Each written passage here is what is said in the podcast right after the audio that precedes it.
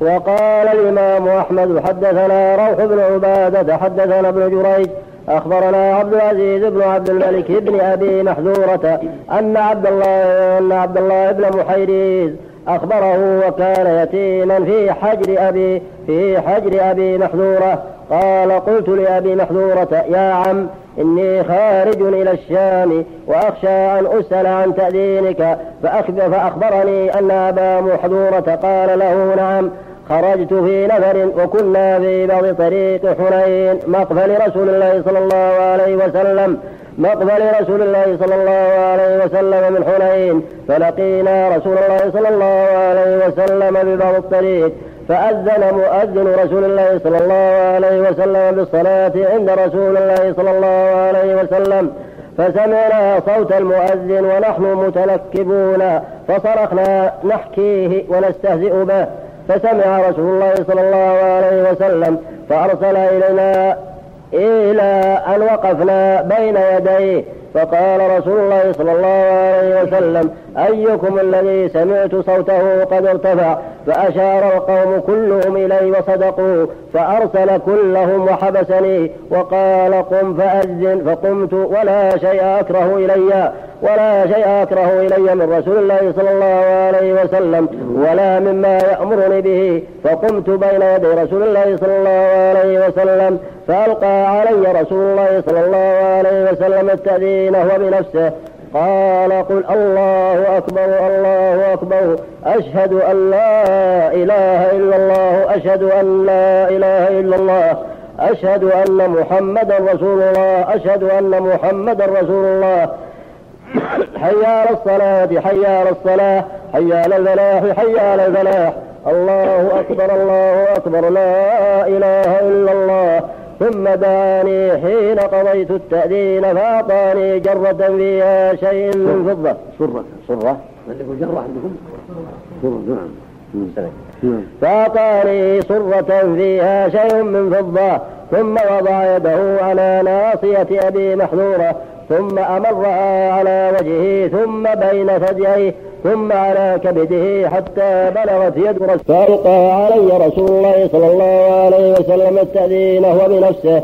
قال قل الله أكبر الله أكبر. أشهد أن لا إله إلا الله أشهد أن لا إله إلا الله. أشهد أن محمدا رسول الله أشهد أن محمدا رسول الله. حي على الصلاة حي على الصلاة حي على الفلاح حي على الفلاح الله أكبر الله أكبر لا إله إلا الله. ثم دعاني حين قضيت التأذين فأعطاني جرة فيها شيء من فضة. سرة سرة عندكم جرة عندكم؟ سرة نعم. فأعطاني سرة فيها شيء من فضة ثم وضع يده على ناصية أبي محذورة. ثم أمرها على وجهه ثم بين ثدييه ثم على كبده حتى بلغت يد رسول الله صلى الله عليه وسلم حتى بلغت يد رسول الله صلى الله عليه وسلم سرة أبي, أبي محذورة. ثم قال رسول الله صلى الله عليه وسلم بارك الله فيك وبارك عليك. فقلت يا رسول الله مرني بالتأذين بمكة فقال قد أمرتك قد أمرتك به. وذهب كل شيء كان لرسول الله صلى الله عليه وسلم من كراهة وعاد ذلك كله محبة لرسول الله صلى الله عليه وسلم. فقدمت على عتاب بن أسيد عامل رسول الله صلى الله عليه وسلم.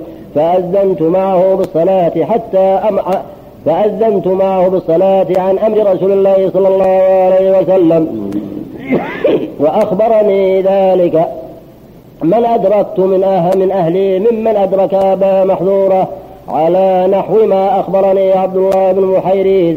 هكذا رواه الإمام أحمد وقد أخرجه مسلم في صحيحه.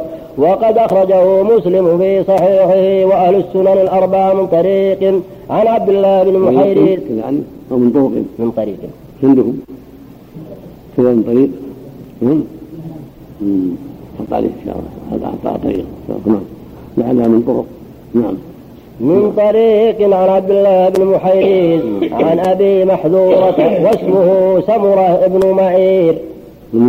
معير أو معير. ميم عين ياء نعم. يقول طبعا في الحاشية.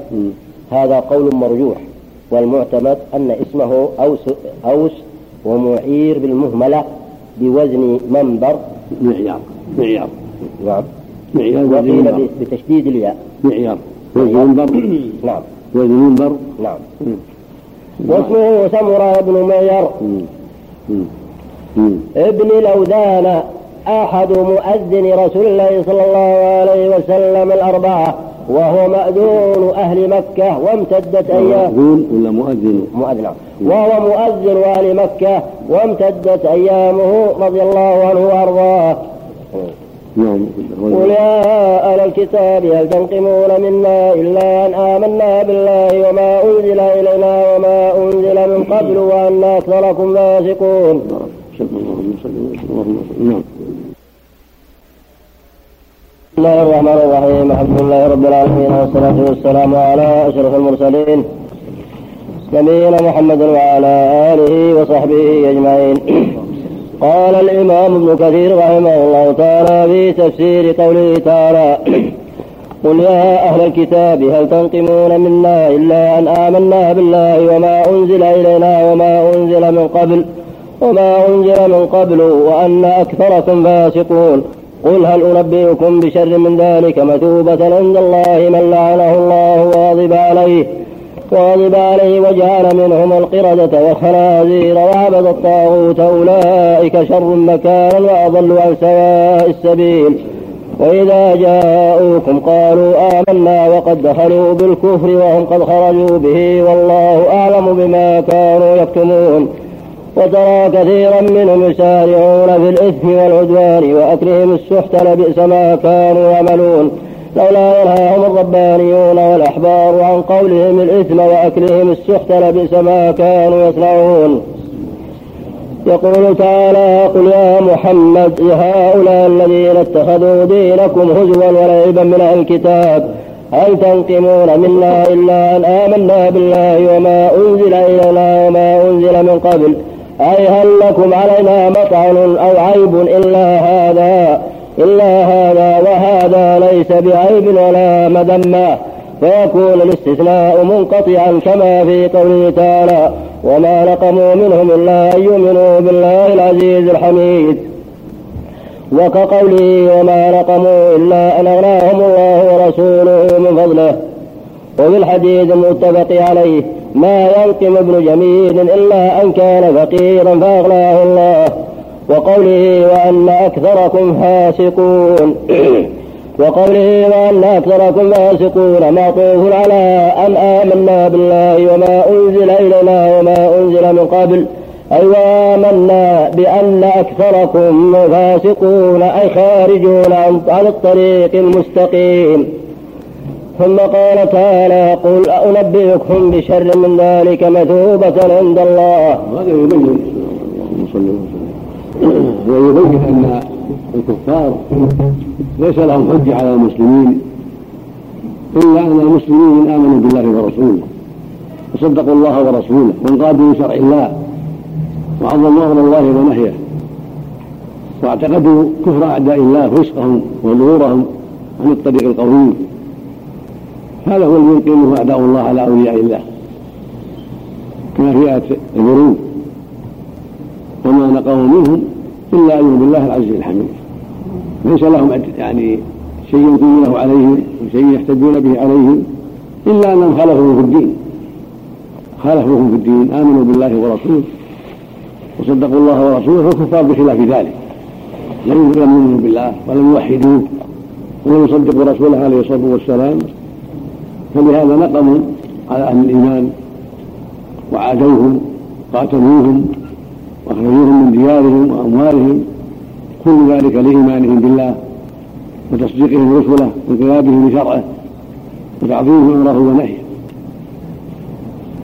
والمعنى الواجب على أهل الإيمان الثبات على الحق الذي هداهم الله له والفرح بذلك والسرور به وأن لا يبالوا بأعداء الله وما نقموه لأنهم فاسقون ضالون مضلون فلا وجه لنقمتهم ولا وجه لمعارضتهم ولا لاستهزائهم بل يجب أن يعادوا بالله وأن يبغضوا في الله وأن يقاتلوا في الله حتى يلتزموا الحق أو يؤدوا الجزية إن كانوا من أهلها.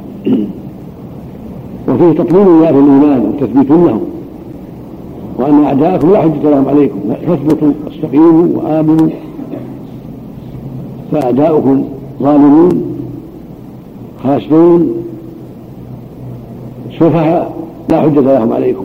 وأنتم المرشدون وأنتم المهتدون وأنتم الصادقون وأنتم الأحقون بكل خير. هكذا يثبت العبادة للمؤمنين ويبين لهم ما هم عليه من الفضل العظيم. والإيمان الصادق الذي من أجله عادهم أعداء الله ونفروا منهم. فينبغي لهم ان يزيدهم هذا ثباتا وإيمانا ومجاهدة في الله وصدقا في اتباع رسوله عليه الصلاة والسلام. ثم قال تعالى قل أنبئكم بشر من ذلك مثوبة عند الله. أي نعم.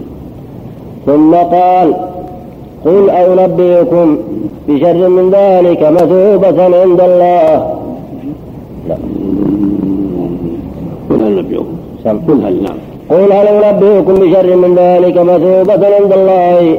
أي هل أخبركم بشر جزاء عند الله يوم القيامة مما تظنونه بنا وهم أنتم الذين هم متصفون بهذه الصفات المفسرة بقوله من لعنه الله أي أبده من رحمته وغضب عليه أي غضبا لا يرضى بعده أبدا. وجعل منهم القردة والخنازير كما تقدم بيانه في سورة البقرة وكما سيأتي إيضاحه في سورة الأعراف.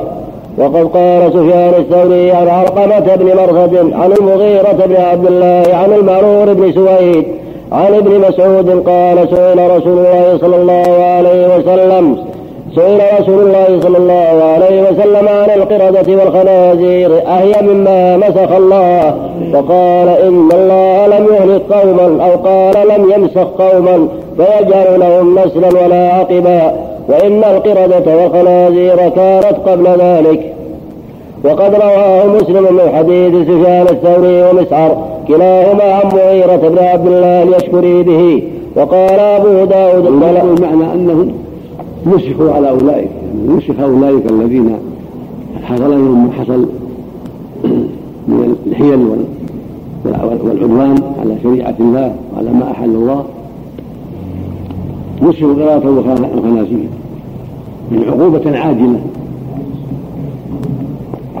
والقراءة والخنازير من الأمم موجودة كالكتاب والحمير والأسود والنمور والذئاب أمم كلهم أمم كما قال الله إلا وأمثالكم لكن لما كانت لما كانت هاتان الأمتان أمتين حقيرتين نسخ أولئك الضالون على شبههم نسأل الله العافية. بيانا لقبح ما فعلوا وصناعة ما صاروا إليه من الحيل. ولا عذاب الله الآخرة أكبر نسأل الله العافية. وهذا مما يقال فيه إنه ليس له للطرف الآخر مشارك ابن مشرد من ثبت عن الله من لعنه الله وغضب عليه الطرف الأول ليس له شريك في الشرع في الشر المؤمنون طرفهم كله طيب. المؤمنون كلهم كل طرفهم طيب. وليس فيهم شر بل هم أولياء الله وأتباع شريعته. وإنما الشر في أعدائهم خصومهم الذين لعنهم الله وغضب عليهم هم الشر أهل الشر. وهذا في قوله تعالى أصحاب الجنة يوم خير مستقرا واحسن مقيلا. خيرية هنا ليس لها طرف ليس لها مشارك في الطرف الآخر. في النار ليس أهل النار ليس عندهم خيرية وليس عندهم راحة ولا فضل. حتى يفضل عليهم أهل الجنة. بل معنى أن أهل الجنة هم أهل الخير وهم أهل الراحه والإيمان والطمأنينة والسعادة والاستقرار الحسن المريح بخلاف أهل النار هم في العذاب والشقاء والبلاء والعذاب المستمر. فالمعنى أن أصحاب الجنة لهم الراحة لهم النعيم ولهم الخير العظيم.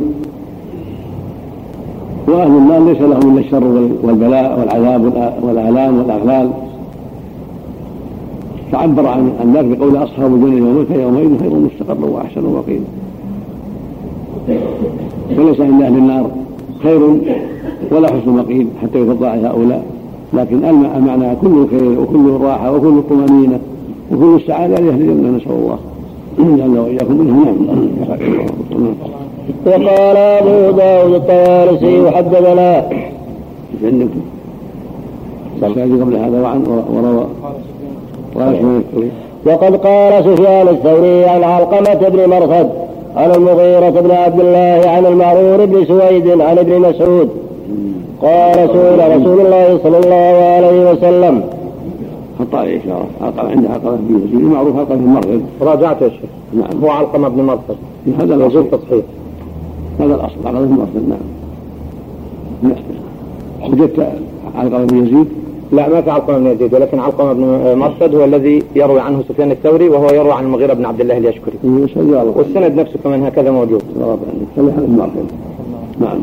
وقال أبو داود الطيالسي وحدثنا داود بن أبي الفرات عن محمد بن زيد أبي الأعين المعبدي. عن أبي الأحوص. وقال من؟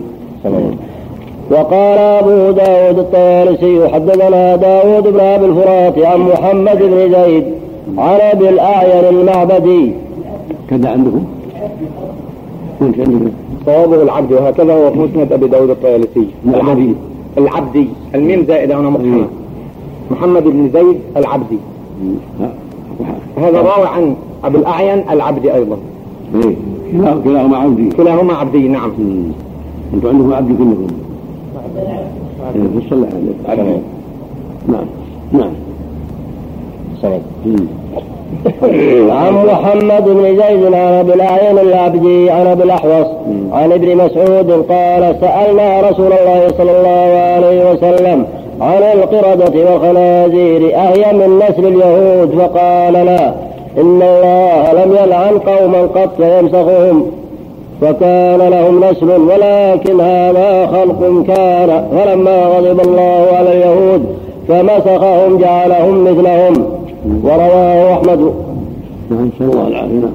ورواه أحمد من حديث داود بن أبي الفرات به وقال ابن مردويه حدثنا عبد الباقي حدثنا أحمد. أن المسلوكين ليس لهم نسل من مسخهم الله لا يبقى لهم نسل في الصحيح أن أنهم لا يبقون أكثر من ثلاثة أيام. المنسوخ لا يعيش أكثر من ثلاثة أيام ثم يموت فمنسوخون من اليهود من إسرائيل لم يعيشوا وليس لهم نسل. غرده وخنازير أمتان موجودتان قبل ذلك. نعم. ورواه أحمد بن حديث داود بن أبي الفرات به وقال ابن مردويه حدثنا عبد الباقي حدثنا أحمد بن إسحاق بن صالح حدثنا الحسن الحسن بن محبوب حدثنا عبد العزيز بن المختار عن داود بن أبي هند عن عكرمتان بن عباس. قال قال رسول الله صلى الله عليه وسلم الحيات مسخ الجن كما مسخت القردة والخنازير. هذا حديث غريب جدا. حدثنا عبد العزيز بن المختار عن داود بن أبي هند. قال ابن وقال ابن مردوي حدثنا عبد الباقي حدثنا أحمد بن إسحاق بن صالح حدثنا الحسن بن محبوب حدثنا عبد العزيز بن المختار عن داود بن أبي هند عن عكرمة عن ابن عباس. قال قال رسول الله صلى الله عليه وسلم الحيات مسخ الجن كما مسخت القردة وخنازير. هذا حديث غريب جدا. الشعر الحسن محبوب. إي نعم. الحسن بن محبوب قال في الجرح والتعديل الحسن بن محبوب بن الحسن وهو ابن هلال بن أبي زينب القرشي. قال أبو محمد روى عن حماد بن زيد وعبد العزيز بن المختار وأبيه محبوب بن الحسن. كتب عنه أبي وسألته عنه فقال لا بأس به. وقال أبو محمد روى عنه أبي وأبو زرعة. أحمد بن إسحاق بن صالح. قال في الجرح أيضا هو ابن عطاء الوزان الواسطي بتاع مرة. أبو بكر روى عن جندل بن والق وخالد بن خداش وسعيد الجرمي. كتبت عنه مع أبي وهو صدوق. يمكن إن عبد عبد الباقي من معناه شيخ المؤلف. في كلام على عبد الباقي. لأنه في كلام كثير. عبد الباقي لعله من أوهامه. وعبد الباقي من قانع. نعم. لقد فيه إي نعم. نعم. عبد الباقي وابن قانع. أبو الحسين الحافظ. قال الدار قطني كان يحفظ لكنه يخطئ ويصر. وقال البرقاني وعند ضعيف ورأيت البغداديين يوثقونه. وقال أبو الحسن بن الفرات حدث حدث به اختلاط قبل موته بسنتين. وقال الخطيب لا أدري لماذا ضعفه البرقاني. فقد كان ابن قانع عن أهل العلم والدرا من أهل العلم والدراية. ورأيت عامة شيوخنا يوثقونه وقد تغير في آخر عمره. مات سنة 51 و300 هذا في ميزان الاعتدال لعل هذا من أوهامه أو لعل هذا من أغلاطه بعد ما اختلط. نعم. ما, ما في شيء ذلك يدل على أن الجن نصف نصف حيات. ما في شيء صحيح يدل على أن نفرا من الجن نصف حيات لكن يوجد من يتشكل بالحيات منهم يتشكلون بالحيات يتشكلون بالكلاب يتشكلون بالسماء والقط يتشكلون بغير ذلك. قصة الشاب الذي انصرف إلى أهله يوم يوم الأحزاب فوجد امراته على الباب فأهوى إليها فقال انظر على مهلك فإذا حية في صحن البيت قد أخرجتها. طعنها برمحه حتى لا يدرى أيهما كان أسرع موتا. ورغم أنه يسمى إن هذا من جن المدينة شكل بالحيه نسأل الله السلامة. نعم. نعم. نعم. أحمد بن صالح بدل أحمد بن إيه.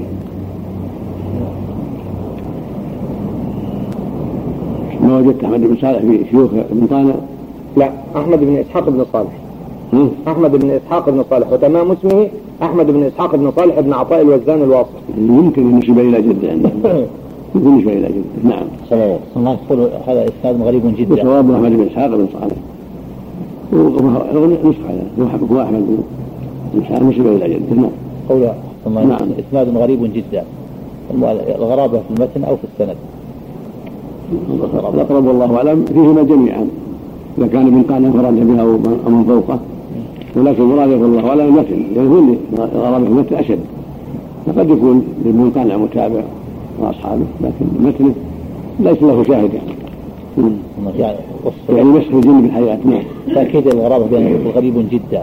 هذا لأنه ما وجد له شاهد يعني. يعني هذا ما يدل على في المتن يعني مقصود في المتن. نعم مقصوده والله اعلم المتن ليس له شاهد يعني.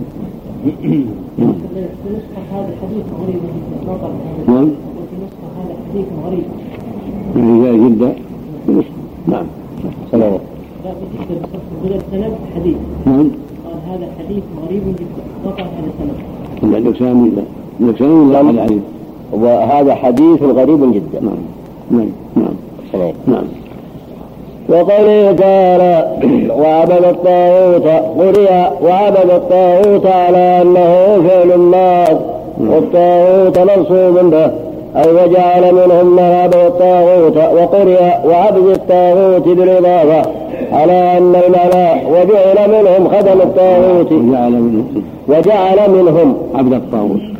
خدم خدم الطاغوت. نعم. وجعل منهم خدم الطاغوت. نعم. نعم. قبل طال عمرك. من عبد؟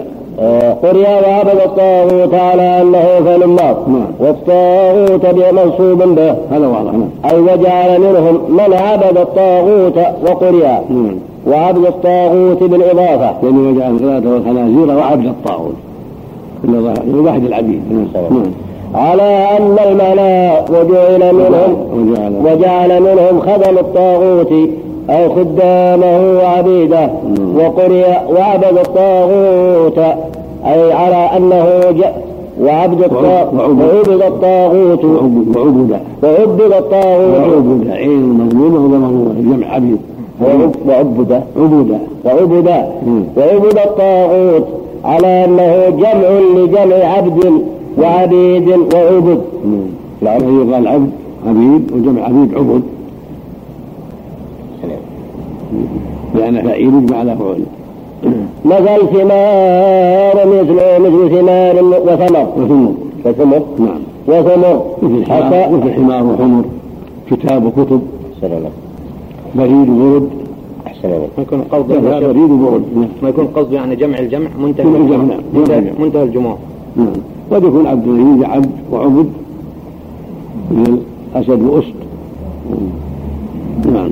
نعم. على أساس ما مثل له ثمار وثمر. نعم. يكون جمع الجمع. جمع الجمع. مم. حكى حكاها ابن جرير عن الأعمش وحكي عن بري بريدة الأسلمي أنه كان يقرأها وعابد الطاغوت وعن أبي وابن مسعود وعبدوا وحكى ابن جرير عن أبي جعفر القاري أنه كان يقرأها وعبد الطاغوت على وعبد الطاغوت على أنه مفعول. ما لم يسمى فاعله وعبد وعبد الطاغوت على أنه مفعول. نعم. على أنه مفعول ما لم يسمى فاعله. نعم. ثم استبعد ثم است- ثم استبعد معناها ثم استبعد. استبعد معناها والظاهر أنه لا بعد في ذلك. نعم. لأن هذا من باب التعريض بهم. أي وقد عبدت الطاغوت فيكم. وأنتم الذين فعلتم وأنتم الذين فعلتموه وكل هذه القراءة يرجع معناها إلى أنكم يا أهل الكتاب الطائعين في ديننا الذي هو توحيد الله وإفراده بالعبادات دون ما سواه. كيف يصدر منكم هذا وأنتم قد وجد منكم جميع ما ذكر؟ ولهذا قال أولئك شر مكانا أي مما تظنون بنا وأضل عن سواء السبيل. وهذا من باب استعمال أفعل التفضيل التفضيل فيما ليس في الطرف الآخر مشاركة. مثل ما تقدم؟ من ذلك مثل أصحاب الجنة كانوا مستقروا وأحسن مقيلا نعم. كقوله عز وجل أصحاب الجنة يومئذ خير مستقرا وأحسن مقيلا وقوله تعالى وإذا جاءوكم قالوا آمنا. غفر الله نعم. المعنى أنكم أنكم مظلومين فيكم القادة فيكم الخنازير فيكم عباد غير الله. إن الطاغوت ما عبد من دون الله. فكيف تنقمون على أهل الإيمان الموحدين وأنتم فيكم النقص والعيب.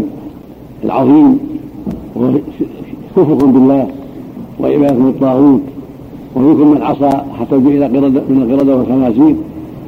يعني يلزم منكم أن أن تستح- أن تستحوا وأن تر- ترجعوا إلى حساب أنفسكم بما فيكم من الشرور بدلا من أن تنقموا على أولياء الله وتقدحوا في أولياء الله نعم نعم. نعم. نعم. سورة سورة الفجر هل يكون هذا من باب الابتلاء وإن يقع ما يقع بعض الناس يعني؟ نعم لا من العبر يقول الله عباده العبر. قد تكون عقوبة لأمر فعله هو أو أو أمه أو كلاهما نسأل الله السلامة. لا حول ولا قوة إلا بالله. نعم. نعم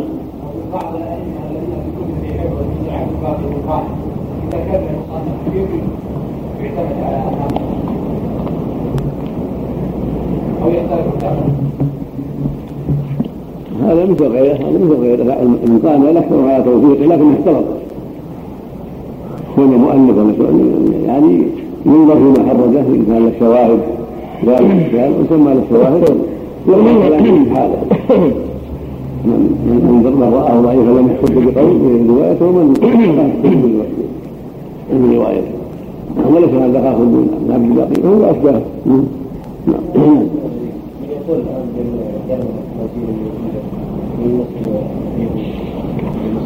يقول هذا غلط ما يقول هذا العلم ولا يقول يغلب الواقع يغلب النصوص. معروف من أهل العلم إنهم أمة كما دل عليه الحديث. نعم. بسم الله الرحمن الرحيم. الحمد لله رب العالمين والصلاة والسلام على أشرف الأنبياء والمرسلين نبينا محمد. قوله تعالى وما من دابة في الأرض ولا طائر يطلب جناحيه إلا هو أمثالكم يعم تقريبا وغيرهم نعم. بسم الله الرحمن الرحيم الحمد لله رب العالمين والصلاة والسلام على أشرف المرسلين نبينا محمد وعلى آله وصحبه أجمعين.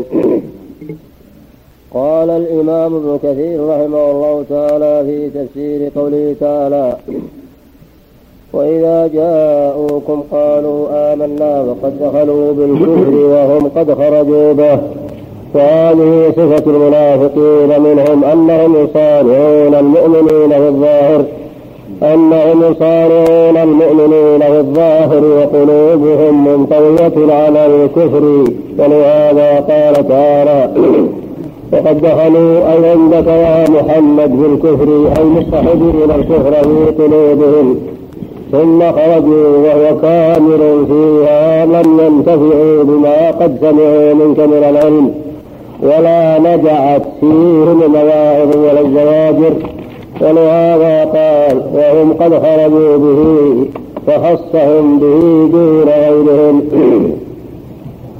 وقوله تعالى والله أعلم بما كانوا يكتمون أي عالم بسرائرهم وما تنطوي عليه ضمائرهم وإن أظهروا لخلقه خلاف ذلك وإن أظهروا لخلقه خلاف ذلك وتبينوا بما ليس فيهم.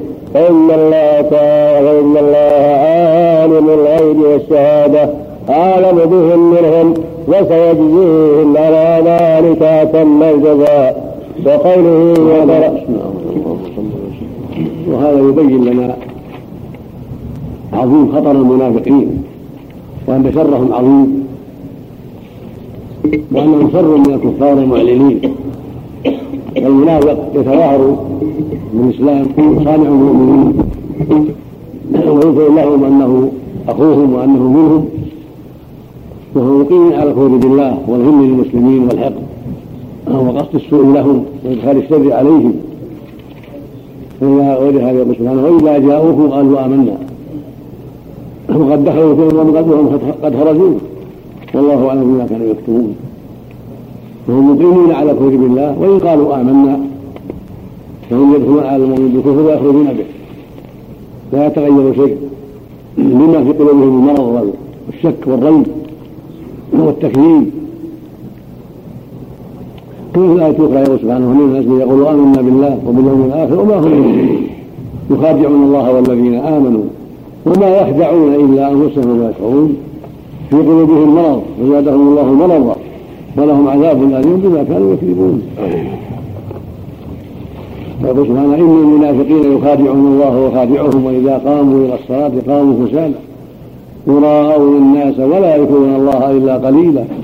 مذبذبين بين ذلك لا إله هؤلاء ولا إله هؤلاء. ليس عندهم إيمان. مستقيم. بل هم مترددون حائرون شاكون مرتابون. وهذه حال طائفة منهم. وطائفة منهم قد استقر الكفر في قلوبهم وإنكار لما جاءت به الرسل عليهم الصلاة والسلام والتكذيب بذلك. ولكنهم مع هذا يتظاهرون بالإيمان. لينالوا من المسلمين شيء من مقاصدهم العاجلة وليأمنوا على أنفسهم من القتل إن كان هناك قتل. وهم يتبعون مصالحهم ويريدون أن يحصلوا على ما ينفعهم في هذه العاجلة بإظهارهم الإسلام. فالواجب على أهل الإيمان الحذر منهم فإنهم يعرفون بسيماهم. نعم. وقوله تعالى وترى كثيرا منهم يسارعون في الإثم والعدوان وأكلهم السحت أي يبادرون إلى ذلك من تعاطي المآثم والمحارم. أي يبادرون إلى ذلك من تعاطي المآثم والمحارم والاعتداء على الناس وأكلهم أموالهم بالباطل. لبئس ما كانوا يعملون أي لبئس العمل كان عملهم وبئس الاعتداء اعتداؤهم. وقوله تعالى لولا ينهاهم الربانيون والاحبار من صفات المنافقين المسارعه في الاثم والعدوان واكل السحت الحرام. من صفاتهم رقة الإيمان في الظاهر والتساهل بأوامر الله والمحارم في الظاهر هذه من علامات النفاق المسارعه إلى الإثم والعدوان والظلم والجور واكل المال بالباطل وعدم المبالاة بذلك. هذا كله من الدلائل على ضعف الإيمان في قوم وعلى عدمه في اخرين في اخرين نسأل الله السلامة. وقوله تعالى لولا ينهاهم الربانيون والأحبار عن قولهم الإثم وأكلهم السحت لبئس ما كانوا يصنعون. يعني هلا هلا كان ينهاهم الربانيون والأحبار منهم عن تعاطي ذلك والربانيون هم هم العلماء العمال. أرباب الولايات عليهم والأحبار هم العلماء فقط. لبئس ما كانوا يصنعون يعني من تركهم ذلك. قاله علي بن أبي طلحة عن ابن عباس وقال عبد الرحمن بن زيد بن أسلم قال لهؤلاء حين لم ينهوا ولهؤلاء حين عملوا قال وذلك الأمر كان. قال ويعلمون ويصنعون واحد. قال ويعملون ويصنعون واحد. يعملون ويعلمون. يعملون وفي الاستحقاق ليس ما كانوا يعملون المنافقين. لو نهاهم الرب عن قولهم الاثم واكلوا ليس ما كانوا يصنعون. نوع العبارة. نوعها من بلاغة القرآن وإلا فهم يعملون ويصنعون ويفعلون. كلها معناها واحد. صنع كذا فعل كذا عمل كذا. نعم. وقال عبد الرحمن بن زيد بن أسلم قال لهؤلاء حين لم ينهوا ولهؤلاء حين عملوا قال وذلك الأمر كان قال ويعملون ويصنعون واحد رواه ابن أبي حاتم وقال قال عبد الرحمن بن إيش؟ قال عبد الرحمن وقال عبد الرحمن بن زيد بن أسلم قال لهؤلاء حين لم ينهوا ولهؤلاء حين عملوا قال وذلك الأمر كان. قال وذلك الأمر كان؟ نعم. وكذلك الأركان. وذلك الأركان. وكذلك؟ وذلك وذلك الأركان. أنتم ذلك الأركان هم؟ كذلك الأمر؟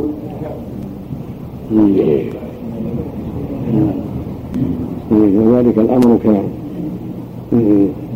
لبئس ما كانوا يعملون لبئس ما فعلوا من الأمر الذي اعتنقوه.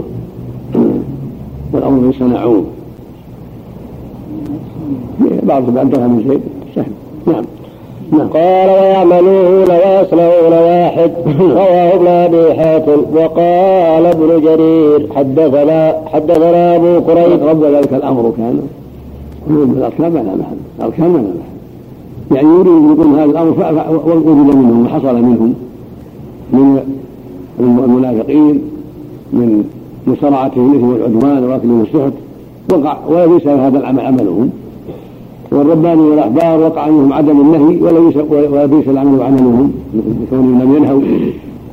ولهذا قال لولا ينهاهم الرباني هلا لولا معنى التحريم بمعنى الأمر هلا ينهاهم الرباني؟ لماذا لم ينهاهم؟ المقصود أن الواجب على الربانيين وهم العلماء الذين لهم السلطة ولهم القدرة والعلماء مطلقا أو الربانيين خواص العلماء الذين لهم التربية والتوجيه. حتى قال بعضهم يربونهم صغار العلم قبل كباره. لهم التوجيه ولهم التأثير ثم عموم العلماء بعد ذلك. لماذا لم ينهوا هؤلاء؟ وهذا يبين أن العالم عليه واجب عظيم. من النهي عما حرم الله. والتصريح بذلك وعدم السكوت فإذا رأى المنكر وجب أن ينكره. من العباد أو من العامة أو من الخاصة على حسب أحوال الناس. كل بحسب بالمشافهة بالمكاتبة غير ذلك من الطرق التي يستطيع أن يفعل بها شيئا. من باب أداء الواجب من باب النصح لله ولعباده من باب إنكار المنكر حسب القدرة.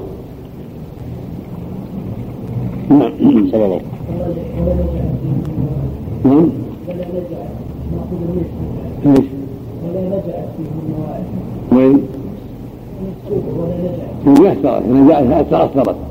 ونفعت نعم وقال ابن جرير حدثنا أبو كريب حدثنا ابن عطية حدثنا قيس عن العلاء بن المسيب عن العلاء بن المسيب عن خالد بن دينار عن ابن عباس قال ما في القرآن آية أشد توبيخا من هذه الآية؟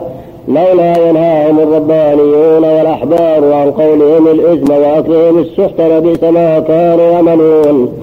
قال كذا قرأ وكذا قال الضحاك. ما في القرآن آية أخوف عندي منها إلا لا ننهى رواه ابن جرير. وقال ابن أبي حاتم قد يقال آية آية البقرة أشد. الذين يكتبون ما أنزلنا من البينات والهدى من بعد ما بيناه الناس في الكتاب أولئك يلعنهم الله ويلعنهم اللاعنون الذين تابوا وأصلحوا وبينوا هذا يشد من وجه لأن فيها اللعنة. على كتم والذي لا ينهى ولا يأمر قد كتم.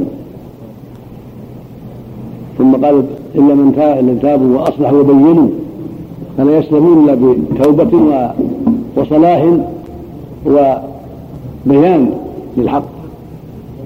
إلا إن تابوا وأصلحوا وبينوا. تابوا من سلف وأصلحوا في أعمالهم وبينوا ما سكتوا عنه وكتموه. نعم. نعم. إيش؟ قال وكذا قال الضحاك ما في القرآن آية أخوف عندي منها إلا لا ننهى. رواه ابن جرير. لا لا ننهى لا ننهى. أن العالم لا ينهى. لا لا ينهاهم الربانيون. نعم. نعم. لا لا المفروضات والواجب لا أمرها واسع مستحب. وقال ابن أبي حاتم وذكره يونس بن حبيب حدثنا أبو داود حدثنا محمد. هذا وذكره عندكم؟ نعم وذكره؟ وقال ابن أبي حاتم وذكره يونس بن حبيب عندكم أبو؟ ما له ما له محل. ما له محل. الواو ما له محل. ذكره يونس بن حبيب ذكره. ذكره يونس بن حبيب حدثنا داود حدثنا محمد بن مسلم.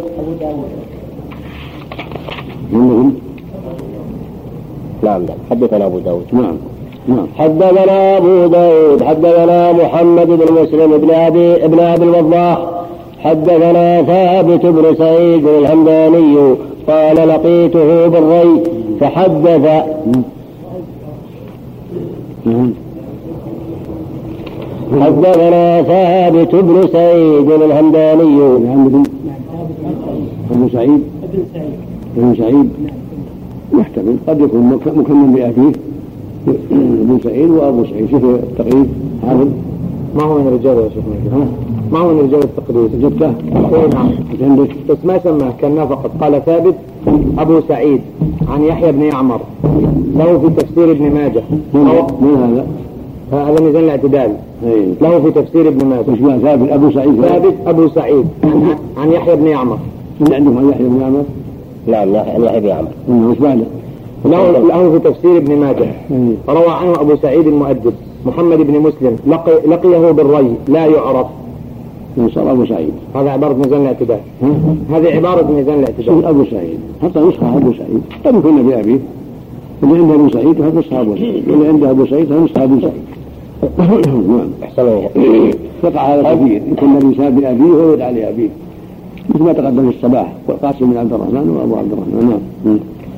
حدثنا علي حدثنا ثابت بن سعيد الهمداني قال لقيته بالري فحدث عن يحيى بن يع- بن يعمر ابن يعمر قال خطب خطب علي بن أبي طالب فحمد الله وأثنى عليه. قد يقال له فيه لغتان يعمر من فتح الميم ويعمر من الميم. نعم. قال خطب علي بن أبي طالب فحمد الله وأثنى عليه ثم قال أيها الناس إنما هلك من كان قبلكم بركوبهم المعاصي ولم ينههم الربانيون ولم ينههم الربانيون والأحبار. فلما تمادوا في المعاصي أخذتهم العقوبات فمروا بالمعروف ونهوا عن المنكر قبل أن ينزل بكم مثل الذي نزل بهم. واعلموا أن الأمر بالمعروف والنهي عن المنكر لا يقطع رزقا ولا يقرب أجلا.